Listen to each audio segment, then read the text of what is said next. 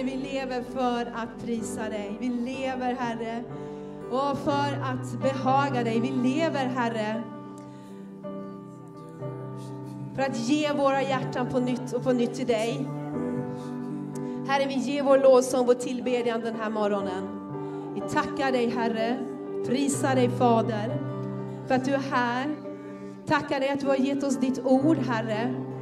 Ber om nåd, Herre, att få tala ditt ord den här morgonen, Herre. Herre, vi tackar dig att ditt ord är ande, ditt ord är liv. Ditt ord skapar någonting i våra hjärtan. Och Herre, vi ber den här morgonen, väck oss att lyssna på lärjungasätt idag. Herre, fyll oss med ditt ord, fyll oss med tro, fyll oss med din helige Ande den här morgonen. I Jesu namn. Och allt folket ropade Amen. Kan jag få lite ljud här mer på min mick? Känns som jag behöver skrika. Varsågod och sitt. Men ta och krama om någon. Önska Guds välsignelse till någon som du har bredvid dig innan du sätter dig.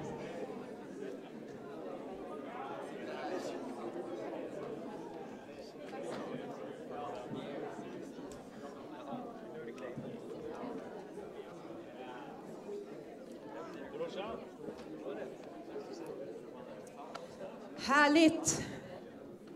Med söndag förmiddag och vi får komma till Guds hus. Vi trotsar sommaren och kommer till Guds hus, eller hur? Sommarvinden och sommarvädret och sommarsysslorna får inte ta söndagen ifrån oss. Utan vi helgar dagen för Herren, vi kommer för att möta Gud, tillbe honom. Och någonting händer när Guds folk kommer tillsammans och prisar honom och får tala Guds ord och får be tillsammans. Eller hur? Så tack att du är här den här morgonen. Och eh, jag har ett ord som eh, jag har blivit utmanad i den här veckan. Eh, och temat för den här lilla predikan är att din bön har stor kraft och verkan. Din bön har stor kraft och verkan. Och det här ordet kom till mig och jag läste det här ordet, det är ju taget ifrån Jakobs brev. Att den rättfärdiges bön har stor verkan. Och så tänkte jag, ja Gud, amen, så bra, men tänk om jag kunde få se det lite mera. Tänk om jag skulle få se lite mera bönesvar. Och vi ber till Gud och jag ber till Gud och jag har min bönelista och jag har mina böner. Men Gud, hur länge ska jag vänta? Jag vill se bönesvar. Jag vill se Gud att du gör någonting för de här människorna jag ber för. Ah, och vi satt och pratade, eh, Miriam och jag också, inför hösten och bönen. Vi ska fortsätta och, och, och be tillsammans inför hösten och planera lite grann. Och så sa vi så här, men vi måste få se mer bönesvar. Vi måste få höra vittnesbörd. Längtar inte du efter vittnesbörd? Att få höra vad Gud gör. Och Gud har gjort mycket. Och vi ska aldrig sluta tacka honom för bönesvar, för Gud gör någonting varje dag. Tänk om vi skulle få se bara vad änglarna eh, arbetar för oss varje dag. Då skulle vi bli ganska ödmjuka, tror jag. Amen. Så Gud är stor, han gör under. Hela tiden. Och vi behöver bara komma ihåg dem och tacka Gud för dem. För tacksägelse i våra hjärtan skapar tro. Eller hur? Men dock så kände jag mig utmanad i det här och jag tänkte på Elia. Eh, för det här, Jakob han nämner ju Elia när han talar om, att, om den rättfärdige. Och han säger att Elia, han var en människa som du, som du och jag. Och han bad en bön och det slutade regna.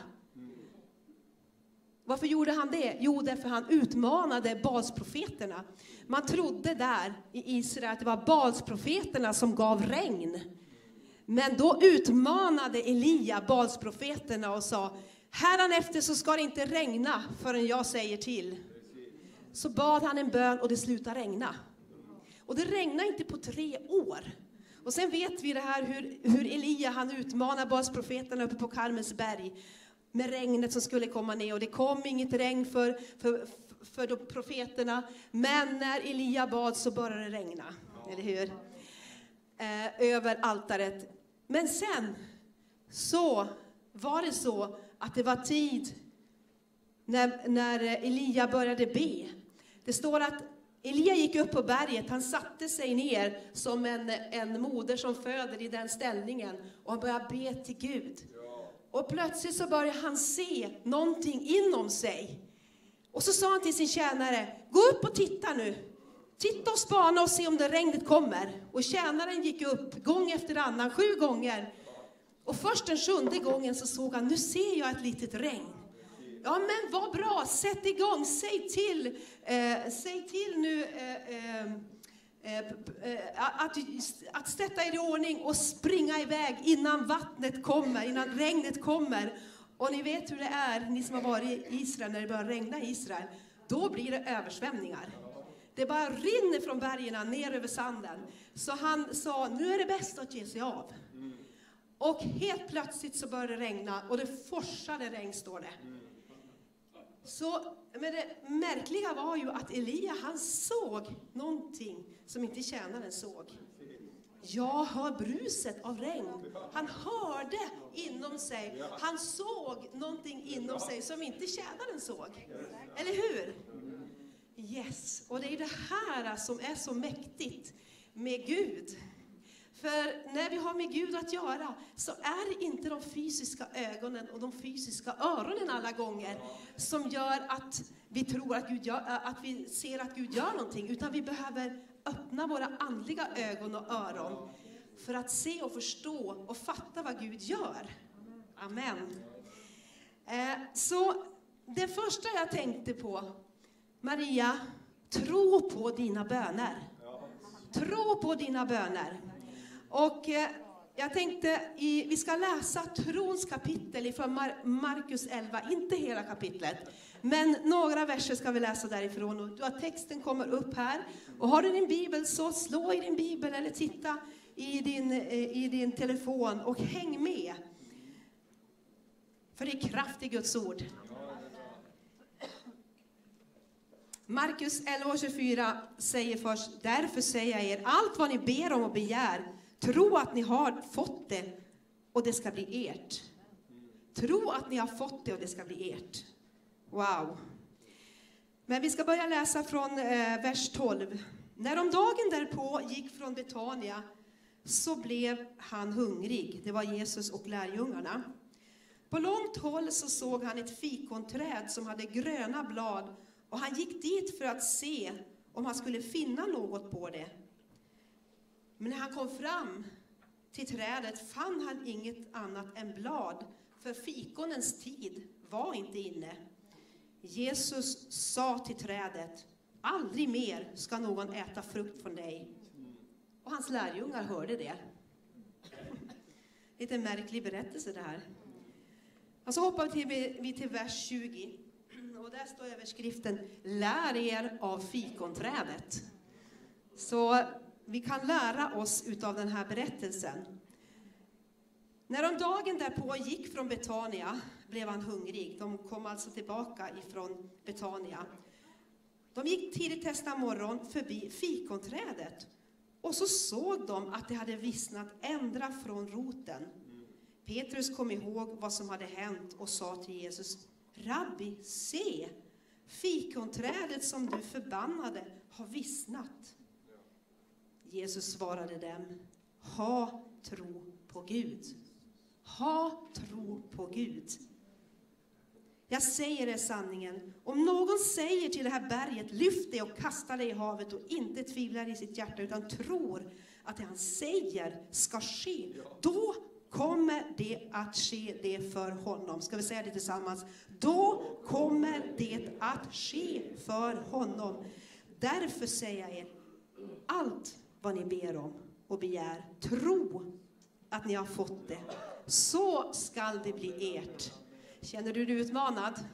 Ja, jag gör det. Halleluja. Tack Jesus. Och sen fortsätt. Och när ni står och ber, förlåt om ni har något emot någon. Då ska också er far i himlen förlåta er era överträdelser. Så det var ju inte fikonträdet i sig, Jesus sa, ha tro på Gud. Ha inte tro på fikonträdet. Ha inte tro på omständigheterna, på vad ni ser. Helt plötsligt så, jag menar, när hände undret? Ja, det hände ju när Jesus talade till trädet. Aldrig mer ska någon äta frukt från det här trädet. Och, men vips så såg, vi, såg ju inte lärjungarna tydligen att det vissnade. Utan det var ju först följande dag när de kom förbi och sa, nej men kolla, trädet! Vad har hänt med trädet? Ja men, ha tro på Gud. Ha tro på Gud. Ni behöver inte liksom eh, följa vindarna, följa liksom det yttre, utan ha tro på mig. Att när du talar till berget, kasta dig i havet, så kommer det att ske. Allt vad ni ber om i er bön ska ni få när ni ber i tro. Amen. Halleluja.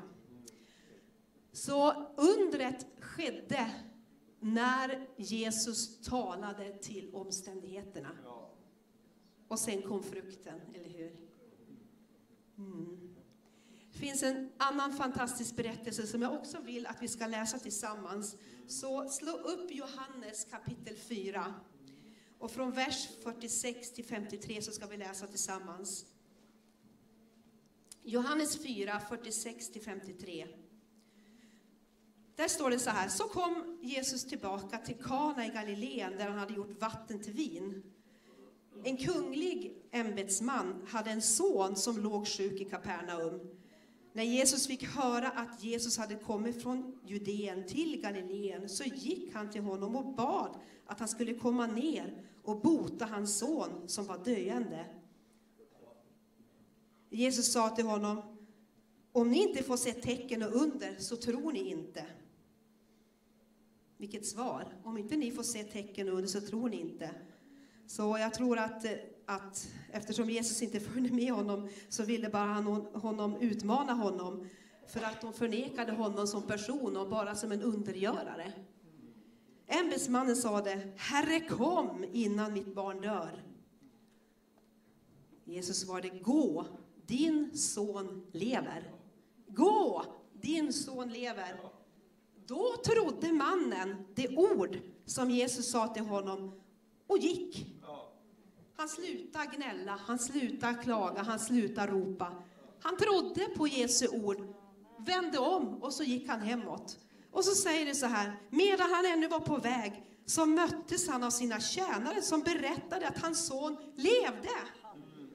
Han frågade, vilken tid har det här, blev det bättre? Och de svarade, igår vid sjunde timmen släppte febern. Då förstod fadern att det hade hänt just vid den tid då Jesus sa till honom, din son lever. Och han kom till tro med hela sin familj. Så den här ämbetsmannen, han tog emot Jesu ord och gick i tro. Och någonting hände vid den stunden. Halleluja.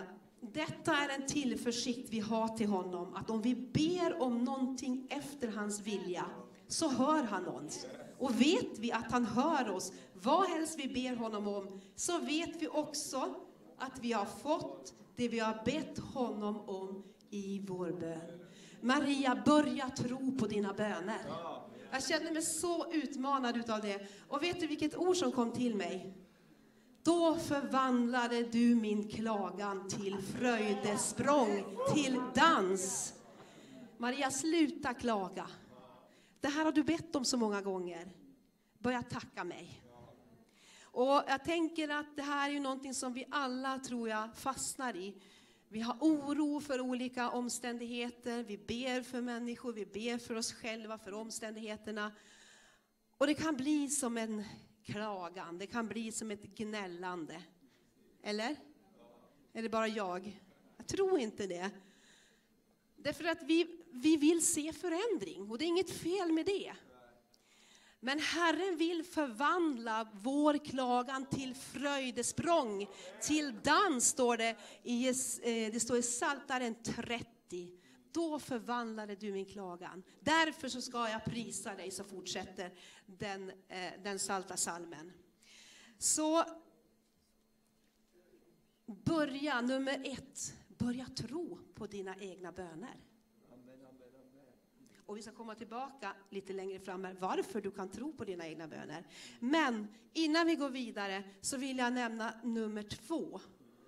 Eh, också en sak som vi ska ta med oss så att vi verkligen ser och får uppleva att våra böner har stor verkan och är kraftfulla, som gör förändring. Och det här ser vi i de båda bibeltexterna vi har läst om, både från Markus eh, kapitel 11 och även i Jakobs brev. Där står det så här. Bekänn därför era synder för varandra och be för varandra så att ni blir helade. För den rättfärdiges bön har stor verkan. Bekänn därför era synder för varandra. Och Markus 11 stod det, när ni står och ber, förlåt om ni har någonting emot någon. Och det här ska vi ta med oss i vårt personliga böneliv. Att leva i förlåtelse. Varför då? Jo, oförlåtelse äter upp oss inifrån. Oförlåtelse äter upp vårt bönesvar. Oförlåtelse stoppar upp drivkraften att sträcka sig ut i kärlek och be för en annan medmänniska. Kärleken stoppas att be för någon annan när vi lever i oförlåtelse. Och det har jag upplevt många gånger. Att det är någonting som gör att man blir så självfixerad när man går och bär på ilska, när man går och bär på oförlåtelse, så blir man liksom i sin egna lilla bubbla. Och det här påverkar ju våra böner att bli kraftfulla, när vi bara är så själviska och tror att vi själva har rätt. Eller hur? Oförlåtelse ger också otacksamhet. Och det för oss, och det här ska vi ta med oss, att checka upp våra hjärtan, checka upp våra attityder. Finns det någonting Gud som hindrar mig ifrån att komma med full frimodighet inför dig? Och det som är så bra, det är att det står om du har emot någonting mot någon. Det är liksom inte att vi hela tiden ska gå och be om förlåtelse, att utan be om förlåtelse om du har någonting emot någon. Så det är väldigt sunt och väldigt bra det här. Eller hur? Så vi behöver inte tänka att vi är så ofullkomliga. Nej, utan vi checkar våra liv. Har jag någonting emot någon? Okej, okay, och det här leder oss då till nummer tre. Och det, ska, det är den tredje punkten utav fyra. Hur våra böner bara ska få fortsätta att bli kraftfulla och få ha en stor verkan. Nummer tre, och det har vi varit inne på redan på gudstjänsten idag. Tacka Gud för bönesvaret. Tacka Gud för bönesvaret. Filipperbrevet 4 säger, bekymra er inte för något, utan låt Gud få veta allt era bekymmer. Eh, genom bön, genom åkallan, med vad då? Med vad? Med tacksägelse. Bön, åkallan med tacksägelse. Och vad händer då? Då ska Guds frid som övergår allt förstånd bevara era hjärtan och tankar i Kristus Jesus. Det finns någonting syskon med att leva i tacksägelse. Tacksägelse skapar tro. Det skapar förväntan. Och om du får en gåva, vad säger, vad, vad säger du då? Eller hur? Tack. Så när Gud ger bönesvar säger vi tack. Och varför kan vi säga tack innan vi har sett bönesvar? Jo, och det här tror jag är en nyckel som vi ska ta med oss från den här gudstjänsten idag. Det står var alltid glada, be utan uppehåll, tacka Gud i allt. Detta är Guds vilja för er i Kristus Jesus, säger det i Thessalonikerbrevet. Var uthålliga i bönen, vaka och be med tacksägelse. Vaka och be med tacksägelse. Vaka och be med tacksägelse. Halleluja. Varför kan vi tacka Gud fastän vi har smärta? Jo, därför tron har ögon, tron har öron, Tron har en mun. Tron har fötter. Amen. Tron är ett språk. Tron är ett sätt för oss att agera oavsett hur omständigheterna ser ut. Och det här grundar sig i att vi har tro på Gud. Och man kan dela upp tron i två slags kategorier. Det första är den allmänna tron. Vi har tro för att när solen går ner på kvällen så tror vi också att den kommer upp på morgonen. Eller tvivlar vi på det? Nej, jag tror inte det. Jag tror att när vi lägger oss på kvällen så tror vi att det blir morgon följande, att solen går upp igen. Eh, när vi går in och, du som brukar flyga, när du går in till ett flygplan så tror du ändå på något sätt att piloten kan föra dig fram till den destination som du tänker åka till. Annars skulle vi inte gå in. Det finns vissa saker som, vi har tro för saker. När, vi sett, när du satte dig på stolen här till gudstjänsten så tvekar du inte, utan du, du, du har tro för att den håller. Den ser ut att hålla i alla fall, eller hur? Den, den allmänna tron. Och vi kanske till och med ha tro för att alla kan bli helade. Ett försanthållande, men kan jag bli helad? Guds ord säger ju tydligt och klart att han botade alla. Läste vi här i inledningen av gudstjänsten. Men kan han bota mig? Det är en annan sak. Den andra kategorin av tron är tron som den helige Ande ger oss. Tron som den helige Ande ger oss. Och den trotsar alla naturlagar. Den trotsar alla naturlagar. Och det är den tro som den helige Ande ger till dig och till mig. Och den helige Ande vill ge dig tro för bönesvar. Och hur är det möjligt? Jo, tron kommer av predikan, men predikan i kraft av Kristi ord. Guds ord är ande, Guds ord är liv. Ordet har kraft att ge oss tro. Och jag är helt övertygad om att du har fått ett ord i en specifik situation. Och hur mycket roligare är, är inte det än att du hör ett ord från predikan en söndag? Det är fantastiskt med smorpredikan, fantastiskt med uppenbarelse. Men finns det någonting mer fantastiskt än när man läser Guds ord, eller när man ber och så får man ett ord från Gud. Det här är bara mitt ord. Det här är mitt ord. Ingen annan får ta det här från mig. Det är mitt ord för den här omständigheten. Och det är när den helige Ande uppenbarar ett, ett ord till dig som du kan stå på, som du omfamnar, som är ditt ord och som du sätter din tro till.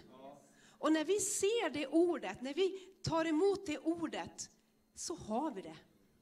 Då ser vi bönesvaret. Och det spelar ingen roll om inte det sker på en gång, utan det är när vi tar emot ordet. Vi börjar tala ordet, vi börjar tacka Gud för det ordet. Tack gode Gud. Tack gode Gud. Och så händer det någonting så småningom. Men det är därför vi kan börja tacka Gud. Det är därför vi kan tala ut över omständigheter. Därför att Gud har gett oss den här någonting. Och ibland så är det faktiskt så, och jag talar lika mycket till mig själv, att vi ber Gud om, om hjälp i en specifik situation. Och man skyndar sig att be. Men vad grundar jag min, min bön på? Jo, den allmänna tron. Och, och det hjälper, och det, det ska vi inte sluta med att be. Men jag tror att Gud vill utmana oss att söka Gud för ett ord, för en specifik situation. För Gud har ett ord. Och vi har många gånger, vi har ju våra morgonböner här inne. Och du vet, du som har möjlighet att vara med, att vi ber för många böneämnen. Och vi längtar efter att se ännu mera. Gud har gjort under, vi har fått vittnesbörd, men vi vill se ännu mera. Och vi behöver, och det, det här har jag själv ett, ett vittnesbörd om, därför när det här året kom så fick vi som herdeteam ett specifikt ord. Där Jesus säger till lärjungarna i Johannes 4, ni säger att det inte är tid att, att eh, skörda, men se, jag säger Jag säger någonting annat. Lyft upp er blick och se att eh, fälten har vitnat till skörd. Och när jag bad för en situation, jag vill inte nämna den situationen för det är en sekretessbön som jag har för en, en specifik person. Så kom det där ordet precis i den situationen. Och det här ordet har förvandlat min bön för den specifika personen. Så när jag börjar be nu så tackar jag Gud för att det ska bli skörd det här året. Det, det bara liksom, jag bara känner, det, jag känner mig så förhoppningsfull och så trosfrisk för den specifika situationen. Alltså från klagan till fröjdsprång. Och jag har inte sett ännu bönesvaret, men jag vet att det kommer. Jag vet att det kommer. Amen. Och det här är någonting som jag tror bara att vi, vi ska påminna oss om, att det finns ett ord för dig och för mig i olika specifikationer. Men vi vill gärna att det ska gå snabbt. Vi vill gärna att någon annan säger ett ord. Vi vill gärna inte ta tid och söka Gud. Eller hur? Det köttet vill inte, men du vill. Köttet i oss vill inte kanske ta tid och söka Gud. Men Guds ord säger be och ni ska få sök. Sök. Vi behöver söka ibland för att få eh, vägledning i vissa böneämnen. och klappa och dörren ska öppnas för er. Och det här kommer in den sista punkten som vi också ska gå in i. Men jag vill bara att vi läser ett ord till. Ett trosfyllt, orkar du lite grann till? Jag ska alldeles strax avsluta. Och det här är ju, vi kan ju inte ha en predikan om tro utan trons fader Abraham.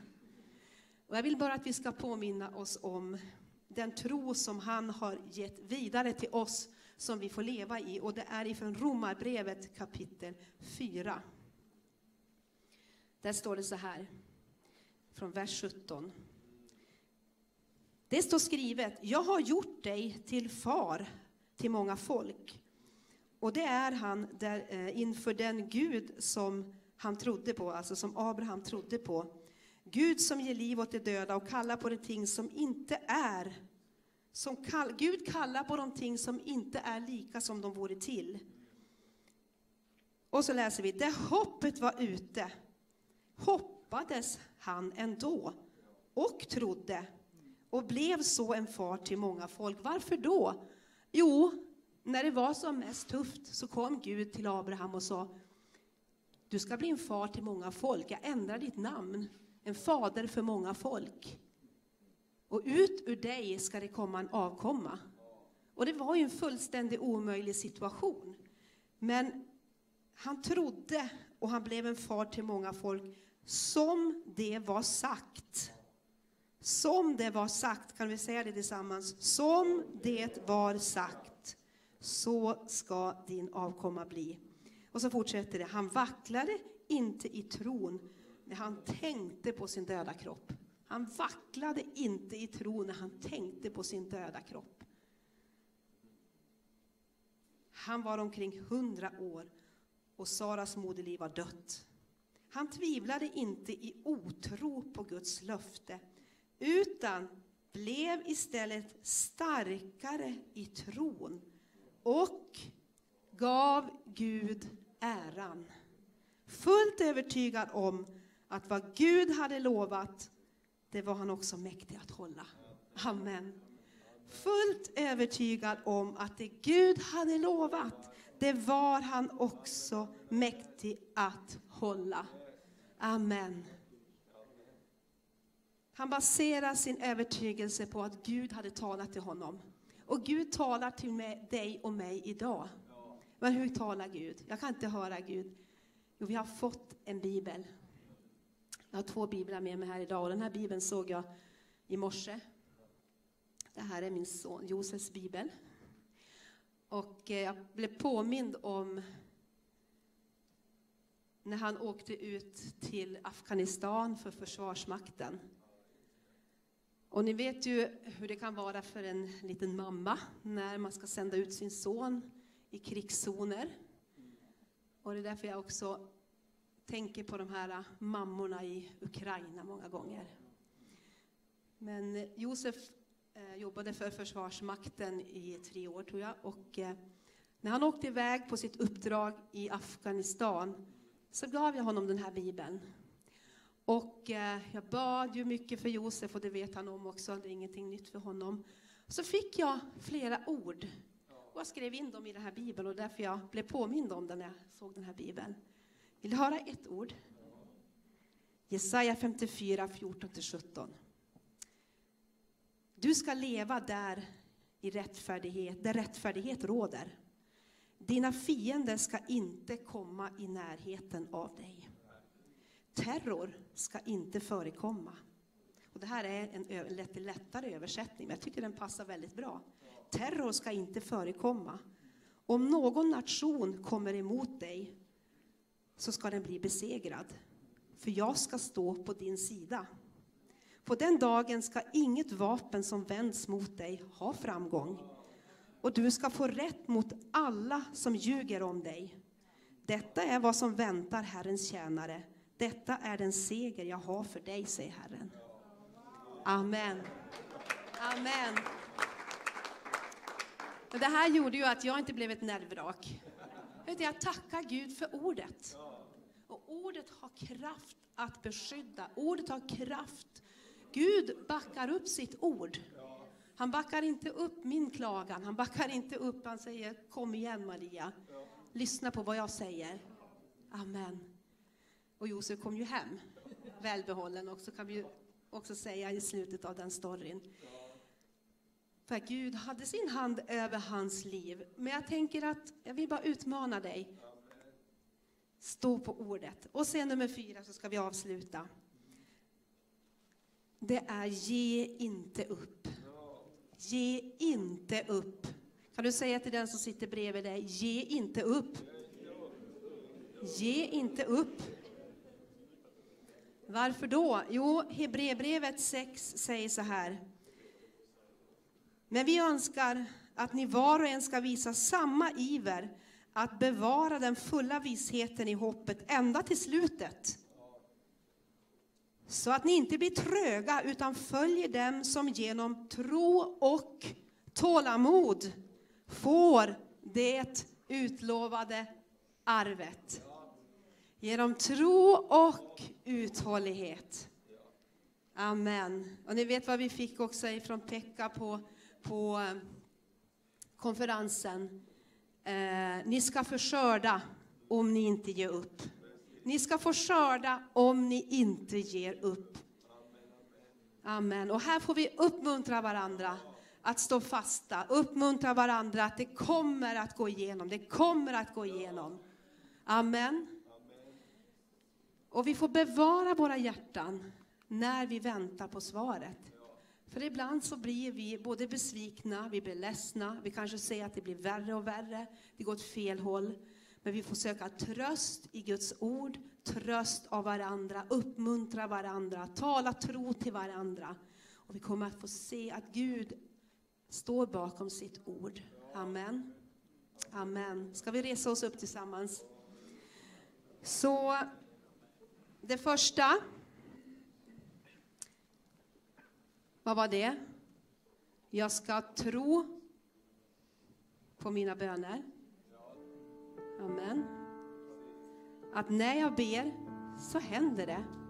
Och det här tar ju förstås inte bort ifrån förbönens kraft, att vi ber och vi strider och går in i förbön, för det behöver vi också göra. Det är en del utav bönens sida. Men jag vill mera beröra det här att vi, att vi slutar klaga och att vi börjar vara konkret inför Gud, söker Gud efter ett ord. Amen och tar emot det. Nummer två. Jag förlåter om jag har någonting emot någon. Nummer tre. Jag tackar Gud för bönesvaret. Och det fjärde, jag ger inte upp. Amen. Amen, tack Jesus. Halleluja. Ska vi lyfta upp våra händer och bara prisa Herren. Tack Herre, tack Herre, tack Herre. Tack himmelske gode Fader. Tack himmelske gode Fader. Att vi får, Herre, ta emot ditt ord, Herre, som är ande, som är liv. Och Herre, vi ber om utrymme i våra hjärtan att ha tro på ditt ord, ha tro på att det du säger, Herre, det menar du, det är din fulla vilja. Du är inte både ond och god, utan du är en god fader och bara goda gåvor kommer ifrån dig.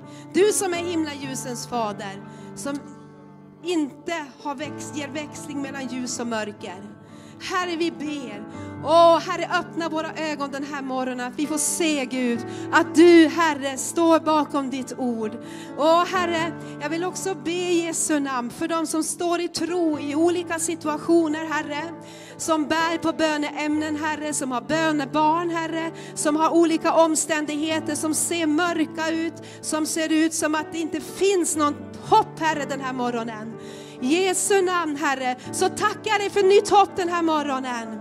Om du står i den situationen, bara ta emot tro ifrån Gud den här förmiddagen.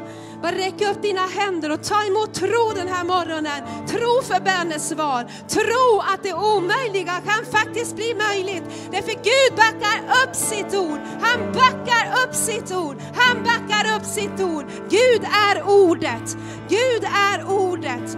Och han sände sitt ord och helade dem. Han sände sitt ord och han helade dem. Tack Herre för ditt ord Herre som har makt och styrka att förvandla och förändra. Skaka situationer Herre. Vi prisar dig Herre. Och du trotsar alla naturlagar och du gör under. Du gör mirakler Herre som inte ens vi kan förstå, fatta och omfamna. Halleluja. Och vi tackar dig Herre. Vi tackar dig för en bönens, en nådens ande över våra liv. Att våga ta steg, våga lägga händer på de sjuka. Våga Herre ta ett steg emot din vilja. Våga ta ett steg Herre och göra dina gärningar. Jag tackar dig Herre för det. Halleluja. I Jesu namn, i Jesu namn. Så jag ber helige Ande att du kommer med nytt mod. Nytt mod att söka dig, att söka ditt ord. Be och ni ska få. Sök, sök och ni ska finna. Sök och ni ska finna. Klappa och dörren skall öppna sig för er. För den som ber han får, den som söker han finner och för den som klappar skall dörren öppna sig. Inte ger väl Gud, inte ger väl Gud en skorpion. Inte ger han väl onda saker när vi ber om det som är gott. När han är en god fader, han är en god fader. Han är en god fader, han är en god fader. Han är en god fader. Halleluja. Halleluja, halleluja. Vi tackar dig Herre. Oh.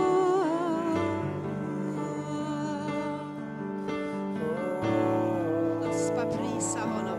Prisa dig för ditt ord.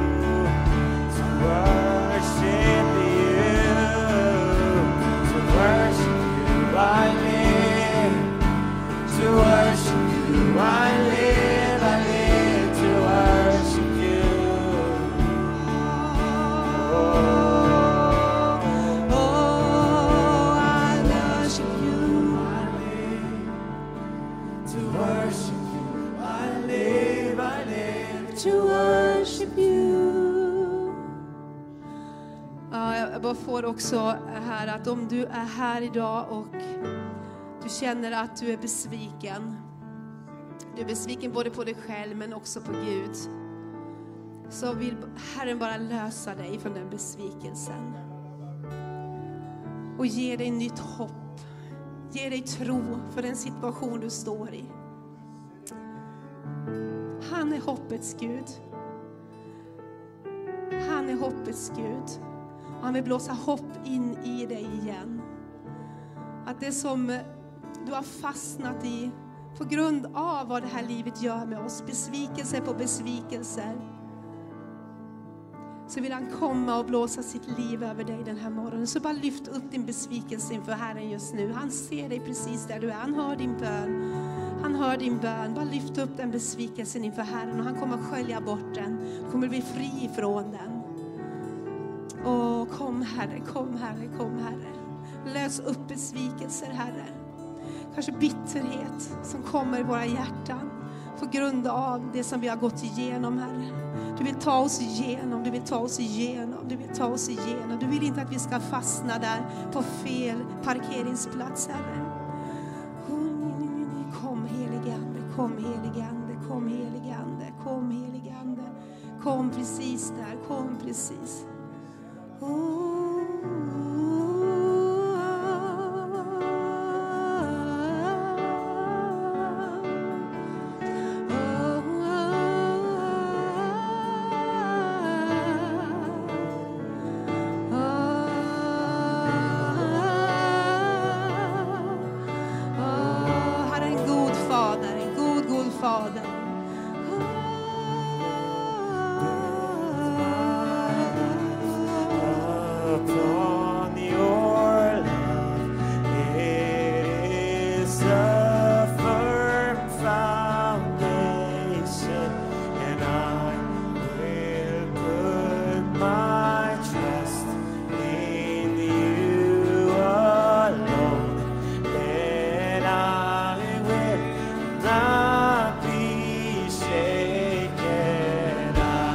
will.